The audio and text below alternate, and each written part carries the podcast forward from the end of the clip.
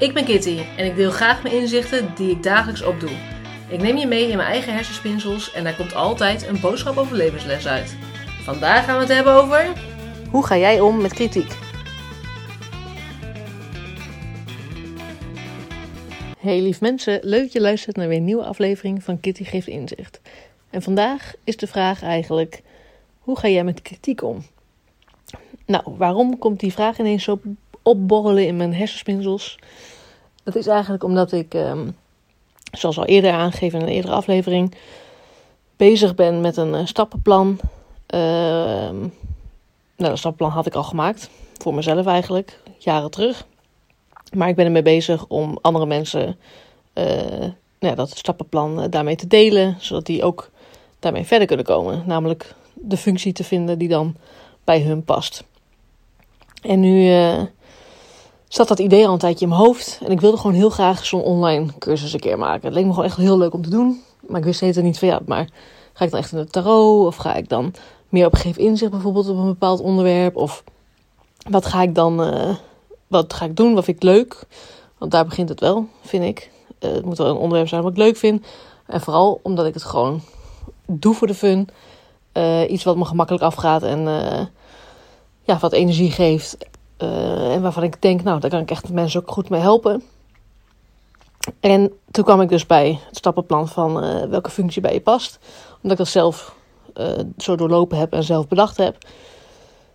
En Vin, lang verhaal kort, bijna al te laat. maar nu is het zo dat ik op een gegeven moment um, ga je dan het heel groot maken weer ondanks dat ik een online cursus volg, ook een online cursus kan maken. Hey, dat is mooi. Uh, was het toch zo dat ik merkte dat je het toch te groot gaat maken. Je, wilt gewoon toch goed hebben staan. Ik, ik, kreeg er geen rust door, want in die cursus werd heel gezegd van joh, je begint gewoon bij een eerste stukje en dan maak je de rest wel later. Nou, daar word ik onrustig van, want ik vind het fijner om iets af te hebben of iets te hebben. En dan pas mensen dat ook te geven, maar ook dat mensen het echt op hun eigen tempo kunnen volgen. Niet dat ze dan moeten wachten een week omdat ik nog uh, het in elkaar moet maken. Uh, en daarbij vind ik het fijn om precies te weten hoe het proces is. En dat weet je eigenlijk pas wanneer je uh, het gemaakt hebt. Um, nu is het zo dat ik op een gegeven moment toch ging nadenken. Nou oké, maar hoe, ga ik het in elkaar zetten? Wat zijn dan de stappen? Hoe ga je het... nou ja, hoe ga ik zorgen dat, het, dat ik het kan overbrengen naar mensen? En in welke vorm giet ik het dan? Nou, ik heel de hele tijd vastgelopen. En op een gegeven moment dacht ik, nee, wat voelt goed, dit voelt goed, gaan we gewoon doen. En dit weekend dacht ik op een gegeven moment, ik ben nu alweer weken bezig om maar weer na te denken. En dan ben ik, uh, dat zit al zo lang in mijn hoofd. Het staat al op papier wat de stappen zijn. De stappen weet ik al lang. Kom op, we gaan het gewoon doen. Dus ik heb uh, van het weekend de content gemaakt, het werkboek gemaakt. En ook echt tegen mezelf gezegd, als ik nu, vandaag, niet de video's op ga nemen... en dan heb ik weer een excuus uh, want mijn haar is niet gewassen. Of ik, ik zie er vandaag niet uit. Of ik heb de rust er niet voor. Of er is te veel achtergrondgeluid. Of weet ik het allemaal. Dan ga ik het in een podcast doen. Zoals dat ik nu ook doe. geen excuses. En desnoods ga je het maar in tekst doen. Maar je gaat het nu neerzetten. Dat heb ik zo gezegd, zo gedaan.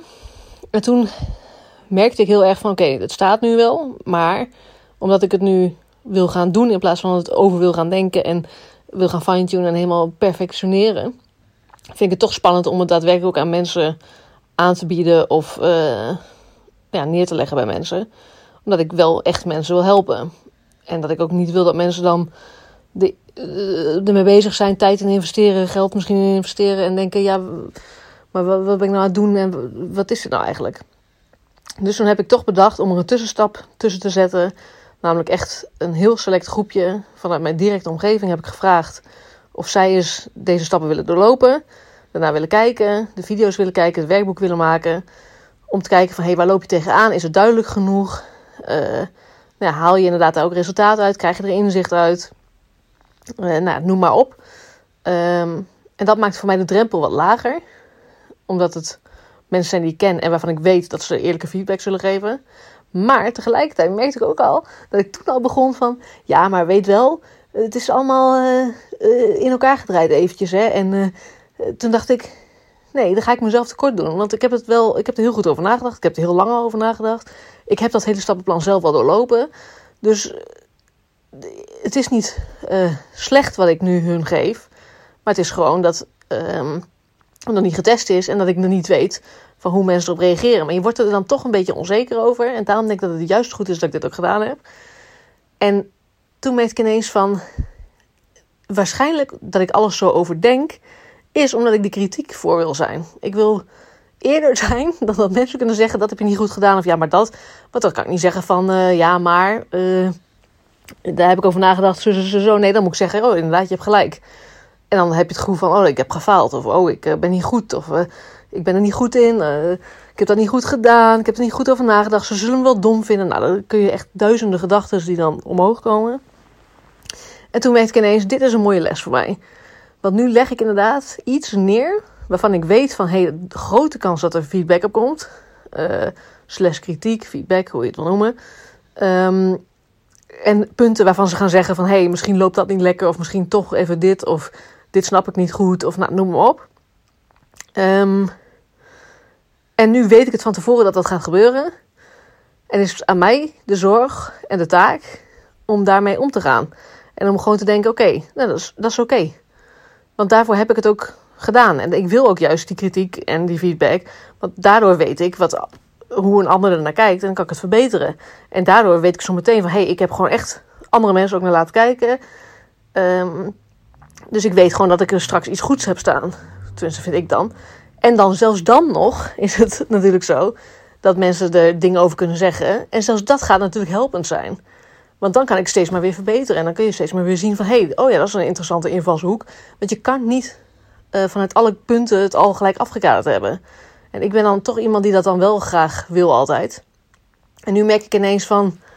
Ja, waarschijnlijk omdat ik gewoon te bang was voor de kritiek. Omdat ik dan het gevoel heb dat, het, dat ik het dan zelf niet goed heb gedaan. Of terwijl dat wil helemaal niet betekenen. Dat wil zeggen dat er iemand anders misschien een nou, goed punt heeft die ik zelf niet gezien heb.